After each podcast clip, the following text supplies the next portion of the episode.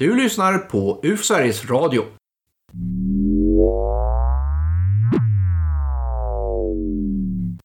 Varmt välkommen till UFO Sveriges Radio, som jag förstår att ni har saknat efter ett allt för långt sommarlov. Idag med Johan Gustafsson och Tobias Lindgren vid mikrofonen. När Johan är med kan det bli vad som helst, men vi öppnar väl säsongen med lite om Rapportcentralen tänker jag. Hur har du haft det Johan? Har du haft möjlighet till någon vila? Ja, lite grann kanske. Jag har väl eh, jobbat i några veckor nu efter eh, sommarsemestern. Men eh, lite har jag väl tagit igen. Jag tänker närmast på själva Rapportcentralens arbete. Jo, men eh, det, det kan ju inte ta semester från på samma sätt. Det rullar ju på. Va? Det är ju året om. Dygnet eh, runt nästan i alla fall. Under vakna timmarna i alla fall. Och 365 dagar om året om det inte är skottår såklart. Innan vi kommer in på själva Rapportcentralen kan vi dra lite annat här som har hänt under sommaren. Har vi några revolutionerande grejer? Kanske något om UFO Sverige? Eller vad som har hänt sen på senaste tid? Jag tänker lite USA och sådär. Vad säger du? Det har ju varit väldigt mycket eh, prat om eh, händelseutvecklingen just i USA. Ja. Vi hade ju den här utfrågningen inför kongressutskottet för eh, ett antal veckor sedan. Där David Grush pratade om eh, tillvaratagna farkoster och även besättningsmän. Även om man inte sa att det var utomjordingar så var det ju någonting som inte var mänskligt så att säga. Han kallade det för eh, non-human intelligence. Eh, Det kan ju vara någon, någonting annat också. Man eh, får ju utifrån vad han berättade tolka det som att det handlar om någon form av varelser som eh, de inte har kunnat spika ursprunget på nöd- nödvändigtvis. Och det här var naturligtvis jättestort att få komma och snacka med de här höjdarna och i politiken. Ja, det har ju aldrig nått eh, dit eh, tidigare va. Utan eh, det har ju förekommit sådana här berättelser innan. Folk har kommit ut och beskrivit hur de har bevittnat sådana här tillvarataganden innan. Det är inte unikt va, men det är ju unikt att det kommer upp på den här nivån. Att det når fram till kongressen. Så att det, det är ju stort så sett va. Men det gör inte saken bättre för det, för han har väl ingen förstahandsinformation? Nej, han har ju andrahandskällor som han hänvisar till. Vi skulle ju naturligtvis vilja få ta del av hans förstahandskällor också. Va? Det, det är ju så man gärna strävar i den här branschen. När man, Tror vi att vi kommer att få det? ja, det återstår att se. Kongressen förväntas ju titta på det här nu. Även om eh, deras mest angelägna fråga kanske snarare är de här pengarna va, som eh, Grush pratar om som eh, går till vissa ändamål men används till sådana här andra mörklagda projekt om vi ska kalla dem så. Men eh, kongressen eh, kommer ju förhoppningsvis även att göra vad de kan för att granska uppgifterna i sak också. Att försöka se vad som eh, stämmer och vad som inte stämmer av det Grush har pratat om. Och då får vi väl hoppas i alla fall att vi får information om förstahandskällorna. Så utgångspunkten från det hela är lite olika från de amerikanska politikerna och vi som är intresserade av UFO. Ja, de har ju en annan agenda, utskottet där, eh, kongressen. Men eh, det har ju varit väldigt mycket diskussioner om det här och det har ju riktats ganska mycket kritik mot vår förening också för att vi inte har gjort det här till en eh, sensationsnyhet. Eh, folk har ju skrivit det till oss va. Att eh, de tycker att vi är för lama i vår rapportering och att vi inte gör tillräckligt mycket utav det här. Men eh, som jag ser det så, så finns det skäl att vara reservativ och avvaktande inför de här uppgifterna. Vi har ju för det första sett sådana här påståenden tidigare. Det är inte någonting unikt som har kommit fram i, i sak så. Utan eh, det har funnits eh, åtskilliga publicerade fall där sådana här tillvarataganden av både farkoster och besättningsmän ska ha förekommit. Det har funnits eh, väldigt många år. Men vi har, där har vi heller aldrig fått version 2, eller vad säger man, vers nummer 2. Alltså där vi får verkligen veta vad som har hänt, utan vi får bara det här första påståendet. Ja, det är ju precis påståenden som det handlar om. Men eh, i de fallen har, har det ju rört sig om förstahandsvittnen till sådana här eh, tillvarataganden. Och, Och ändå har det inte kommit till oss till del, eller till allmänheten. Nej, det har inte fått samma gehör. Det som har lett fram till att det här har blivit så stort, det är ju kongressutfrågningen. Men eh, sen finns det annat att peka på där också. Grush har ju lyft bland annat en händelse i Italien. Ett tillvaratagande där för många år sedan på 30-talet som eh, av ufologerna i Italien eh, betraktat som en eh, glasklar bluff. Va? Så, det gör inte saken bättre. Nej, det, det understryker ju verkligen att man vill eh, få tillgång till förstahandsinformationen. Och samtidigt så finns det ju historiska undersökningar från tidigare år som har talat för att eh, amerikanska myndigheter även kan ägna sig åt desinformationskampanjer och sånt där. Så det är svårt att veta vad vi har att göra med här. Enbart mot bakgrund av de här uppgifterna. Så jag, jag rekommenderar att... Eh, Ligga lågt. Ja, folk ja. har lite is i magen va. Den här podden ska ju inte handla om det här ämnet. Utan det var ju Rapportcentralen vi skulle snacka om. Men har det hänt något annat inom UFO Sverige senaste tiden? Vi har haft lite föredrag. I detta nu så är ju Claes Svahn på ett 50-årskalas i Finland. Fufora fyller 50 år. De flesta stora nationella ufo-sällskapen fyller ju 50 runt ish nu ungefär. Det började ju med brittiska ufo-sällskapet Bufora som fyllde 50 2012. Sedan kom MUFON och så UFO Sverige var ju 2020 då. Även om vårt kalas fick hållas 2022. Själv var jag eh, med Thomas Mechanek på ett bejublat föredrag på F4-festivalen förra veckan. Och kommande är eh, Kulturnatten i Norrköping den 30 september.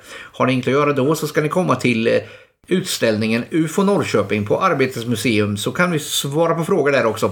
Och så inom kort så kommer Malmö stadsarkiv köra en stor grej om UFO och det okända. Flera föredrag från UFO Sverige är inplanerade. Den stora dagen är då Arkivens dag den 11 november.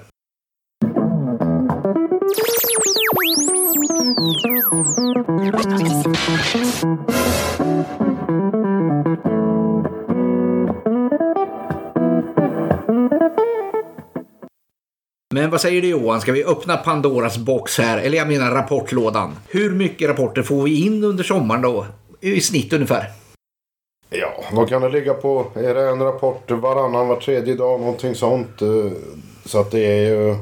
Det är ändå ganska mycket med tanke på att det är en ljus period. Ja, men eh, du ser inte de här statistiska grejerna då, att det ökar på lite på hösten och sådär? Ja, det har man ju kunnat se lite grann tidigare. Men eh, jag tycker inte att den här skillnaden är så himla stor. Utan det är, det är ganska konstant, skulle jag säga, under året. Och det finns andra saker som folk ser när de inte ser Sakerna himla... som syns i höstmörkret. Ja, himlakropparna och så va. Så det, det ligger ganska plant, det är en plan kurva. Men det är inte då färska rapporter kommer in blandat? Ja, absolut. Det kommer ju ganska många retroaktiva rapporter och det kan vara allt från eh, två månader till eh, 30 år va, bakåt i tiden. Så eh, det är en hel del sånt också. Men visst har det kommit in några intressanta här sen vi hade podd senast? Ja, vi kan ju nämna ett axplock ut, utav det då. Och eh, jag tänkte att eh, jag kan eh, göra det så enkelt för lyssnarna att jag läser upp en eh, rapport här som har kommit eh, relativt nyligen nu i augusti och som är lite grann av en eh, ganska vanlig dagsljusrapport som fortfarande är under arbete. Då. Observationen ägde rum den 17 juni nu i år och det här var i Alingsås. Då, då skriver observatören som skickade in det här den 3 augusti. Han skriver observation eftermiddag någon gång mellan 16 till 18 juni 2023. Jag och min fru låg i varsin solstol i vår trädgård och betraktade himlen som till större delen var täckt av moln med några få gluggar på himlen. När min fru gått in i huset så ser jag hur ett svart klot kommer mellan några moln i riktning rakt söderut i vindriktning och snabbt försvinner in i molnen igen. Observationen varar några sekunder. När min fru kommer ut strax efter och jag berättar vad jag såg kommer ett klot flygande under molnhöjd i motsatt riktning. Denna gången betydligt långsammare med konstant nordlig kurs under molnbasen mot vindriktningen. Eftersom det samtidigt pågår potatisfestival i Alingsås utgick vi från att det är en heliumballong som rymt Vi följer ballongen med blicken, ser hur den stannar upp några sekunder sedan med något ändrad kurs cirka 30 grader. Fortfarande nordlig flyger över oss med något ökad hastighet. Jag hämtar en kikare och konstaterar att den är helt mattsvart. Tycks vara kantig som en mutter snarare än rund och wobblar inte i luften som en ballong utan håller rak kurs och höjd ytterligare några hundra meter innan den stannar, hänger stilla några sekunder och sedan stiger rakt upp i molnen med ökad hastighet. Vi utesluter inte att det var en heliumballong då det var cumulusmoln och växlande bygvind. Fenomenet var ljudlöst, storlek mellan 1 till 3 meter. Observationen varade i flera minuter. Vi försökte ta bilder men bakgrundsljuset från molnen brände bort objektet i kameran. Så skriver han så här, och det är en intressant sista detalj. Läste på Facebook att fler hade observerat liknande samma dag i området runt Alingsås. Och det där är ju lite intressant om det är fler som har sett det här. Så eh, jag har ju kontaktat observatören här och vill gärna ha lite mer information om vilka de här andra kan ha varit. Vi kan ju kasta ut en blänkare här, vi också. Det är alltså runt den 17 juni i år. Inte nödvändigtvis exakt det datumet men däromkring och iakttagelse på eftermiddagen då. I Alingsåstrakten. Så har ni sett något då eller känner ni till någon som har sett något så hör av er till oss. rpc.ufo.se Har du några tankar kring det här Tobias? Ja, jag tänker ju att den här med festivaler har ju ställt till det förr för oss. Ballonger som flyger omkring. Så det skulle kunna vara något att börja med och tänkas på. Absolut. Det är ju det fruktbaraste spåret skulle jag säga. Ballonger kommer i alla dess former.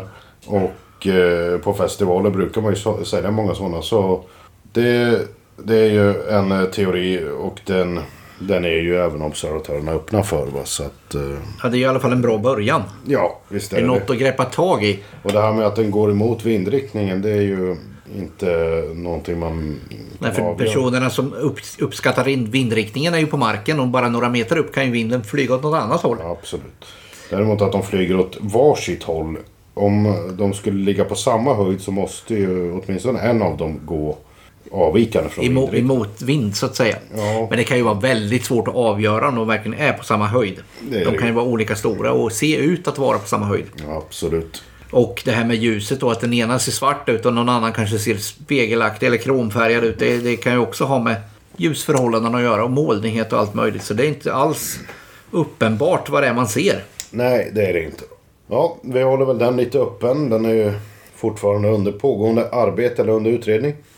Spännande. Var det lo- i lokalpressen andra då hade läst om det här?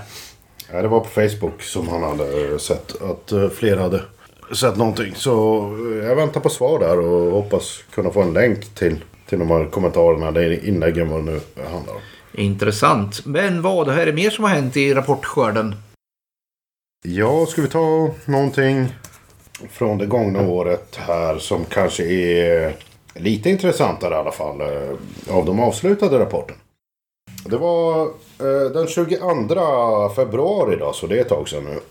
Klockan var ju 14.00 då ungefär och det här är Västra Husby. Det ligger ju här i Östergötland. En bit neråt där söder om, om Norrköping där vi befinner oss. Och eh, då är det en kvinna, hon, hon sitter i bilen va. Och är på väg eh, mot Västra Husby från eh, Östra Ryd. Ja, det är skogslandskap där. Ja, det är la- landsbygd och sådär. Hon får ju se då på höger sida om sin färdriktning och kör ju norrut va. Då får hon se så hur det kommer som ett objekt och glider längs med va.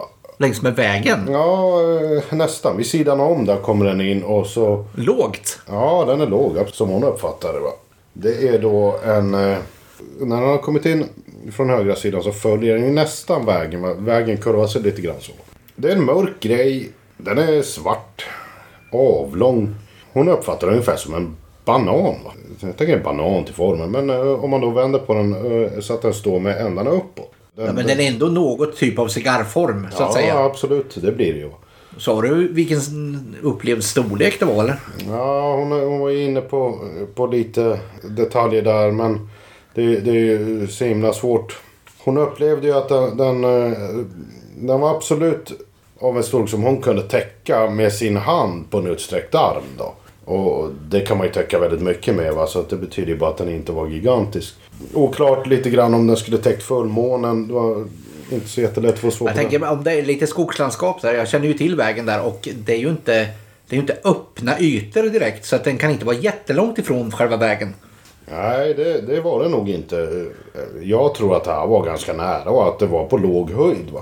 Och då undrar man då hur ljusförhållandena var. Om, det, om den var mörk av egen kraft eller om den var hur, hur, hur det såg ut. Ja, precis. Om det är ljusförhållandena som skapar den mörka eh, bilden. Ja, om den var i skugga eller om den var av egen, alltså mörk till formen eller till ytan. Ja, det var ju mulet den här dagen då. Så att eh, det finns ju en, en chans att den låg lite skuggad va. Och den här grejen den, eh, den drar norrut. Försvinner så småningom i ganska ja, medelmåttig fart. Uppskattas som en helikopter ungefär fart. Eh, bakom eh, skogslinjen då som kommer eh, en bit bort här. Ja, vi har tittat lite på det här. Det finns så vitt det är känt ingen flygtrafik här va, som kan eh, förklara den här observationen. Det finns några källor som går på stort avstånd men de, de går inte att applicera på den här iakttagelsen. Alltså det är ingen vanlig eh, trafikare som åker på hög höjd. Nej, däremot så har vi ju Malmen eh, i Linköping eh, med flygskolan och sådär va. Så att jag, jag har inte kunnat utesluta att det här var ett JAS-plan. De, eh, de går ju där över och det är SK60 också. Jag har inte kunnat hitta några sådana men jag har inte heller fullständigt kunnat utesluta dem. Och då skulle det kanske kunna vara en helikopter också då. Absolut. Om det inte, om det inte är kontrollerat till, till fullo. Nej, helikopterflottiljen ligger ju där omkring va. Så, men gör den här grejen några konstiga rörelser eller är den bara linjär hela tiden? Ja, nej, nej. Den, är, den går i rak konstant kurs och det är inga konstigheter så med den. En annan eh, möjlighet var ju att det, eh, om det skulle varit en sån här solballong, va. De är ju avlånga och svarta. Men det är lite fel årstid för dem, va. Det här är i februari. De är ju populära på sommaren snarare.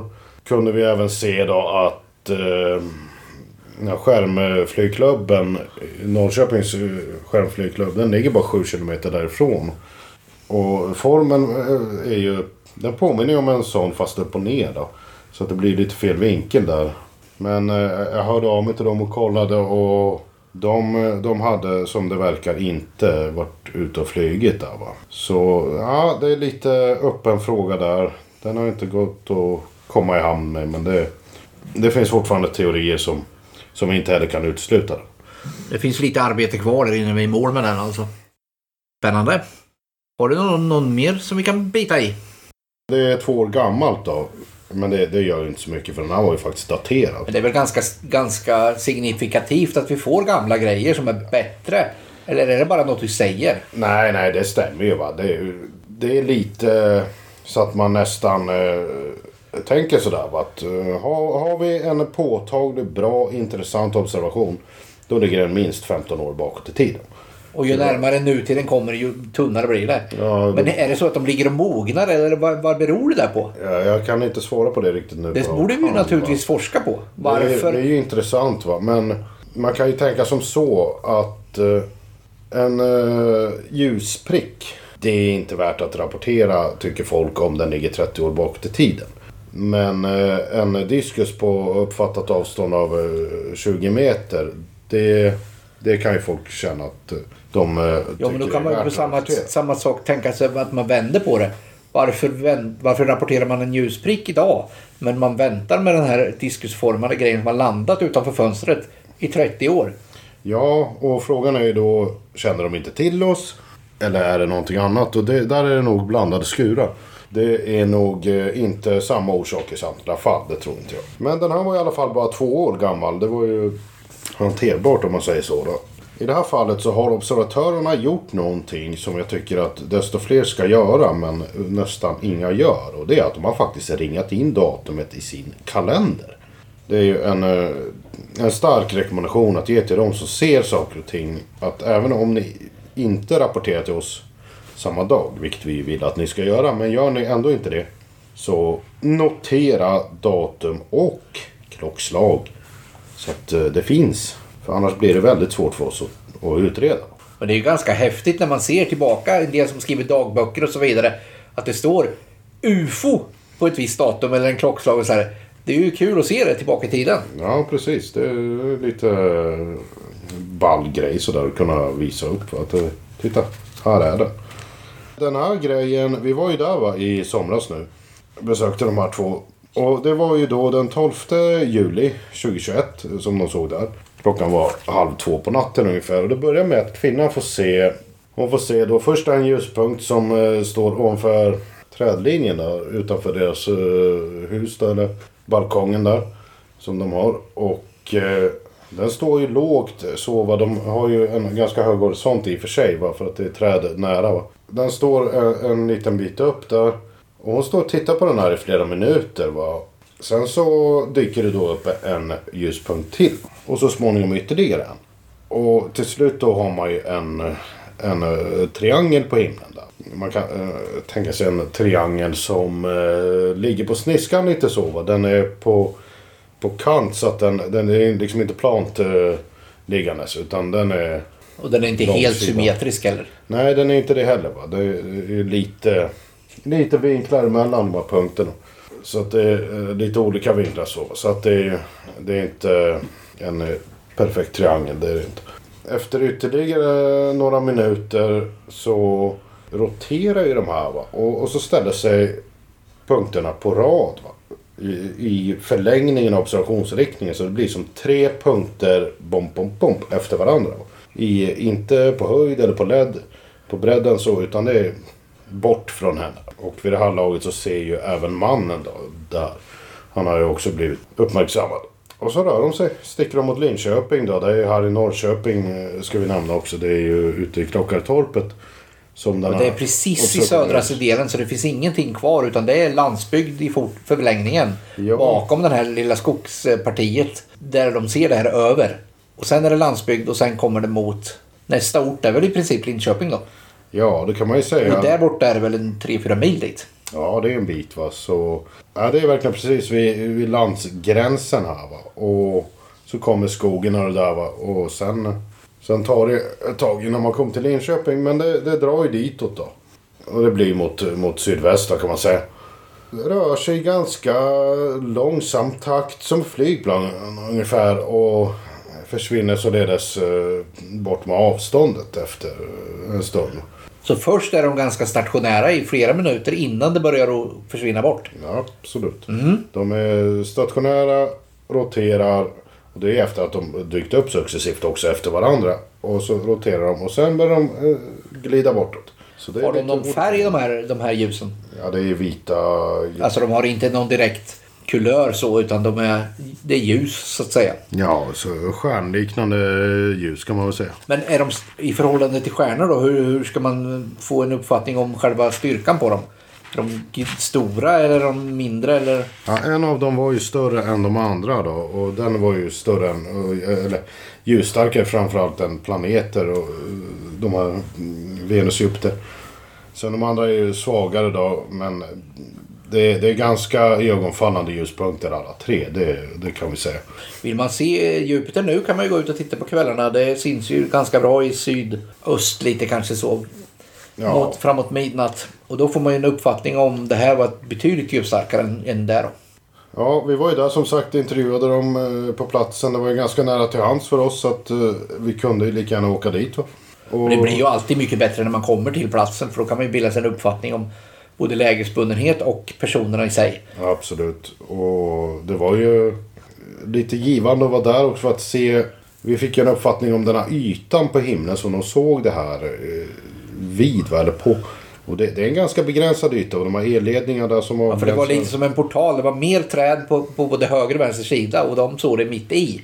Och där var det som en öppen öppen, öppen yta då. Ja, det var som en klyka liksom i, emellan eh, träden och buskarna. Och sen kom det en elledning där också. Och de hade ju det här där i mitten kan man säga. Mellan träd och elledning. Och så ser de det. Det, det är, inte, det, det, är väldigt lätt att kontrollera där va, just för att man får den här mycket specifika riktningen. Det fanns ju inga astronomiska objekt och det här eh, det är, ju, det, det är ju inte astronomiskt heller. De rör sig ju inte på det här viset. Det, det är ju bara att glömma. Flygtrafik, ja. Vi har inte kunnat uh, hitta någonting som stämmer med det här. Men det är återigen det där med att vi kan inte med säkerhet utesluta Malmen aktivitet därifrån. Va? För det är återigen i närheten av Linköping. Ja, du noterade en annan detalj eh, när vi tittade på den här platsen på kartan. Vad var det som fanns en bit söder eller sydväst om? Precis i observationsriktningen. Och det tänker du att jag ska komma ihåg på rak arm sådär? Ja, men... Ah, just det. Precis, ja jo men det är en eh, flygplats för modellflyg. Lövsta modellflygklubb ligger precis i längdriktningen. Men sannolikheten för att, att någon skulle flyga på den tidpunkten är väl i princip noll skulle jag säga. Ja, det var ju, det var ju halv två på natten. Det är ju inga, inga modellflygare som är ute. Det enda man väl kan säga är om det är några hobbykillar eller tjejer som eh, känner till att det där fältet ligger där och tänker vad fan vi tar våra drönare och så åker vi dit mitt i natten och så flyger vi och har lite kul. Va? Tänker att det lämpar sig bra för, för drönarflygning. Ja, det, det är väl en möjlighet men det är samtidigt det, det är ganska så långsökt. Va? Det, där ligger ju en bit ut och att ta sig dit mitt i natten för att flyga är ju lättare att gå ut på garageuppfarten. Så att det, det ska vi kanske eh, hålla, eh, hålla oss lite reservativ emot. Men eh, visst, det finns eh, lite sådana teorier som inte kan uteslutas. Nej men det är ju alltid trevligt att komma ut till observatörerna och få prata med dem. De var ju väldigt lyckliga över att vi kom dit.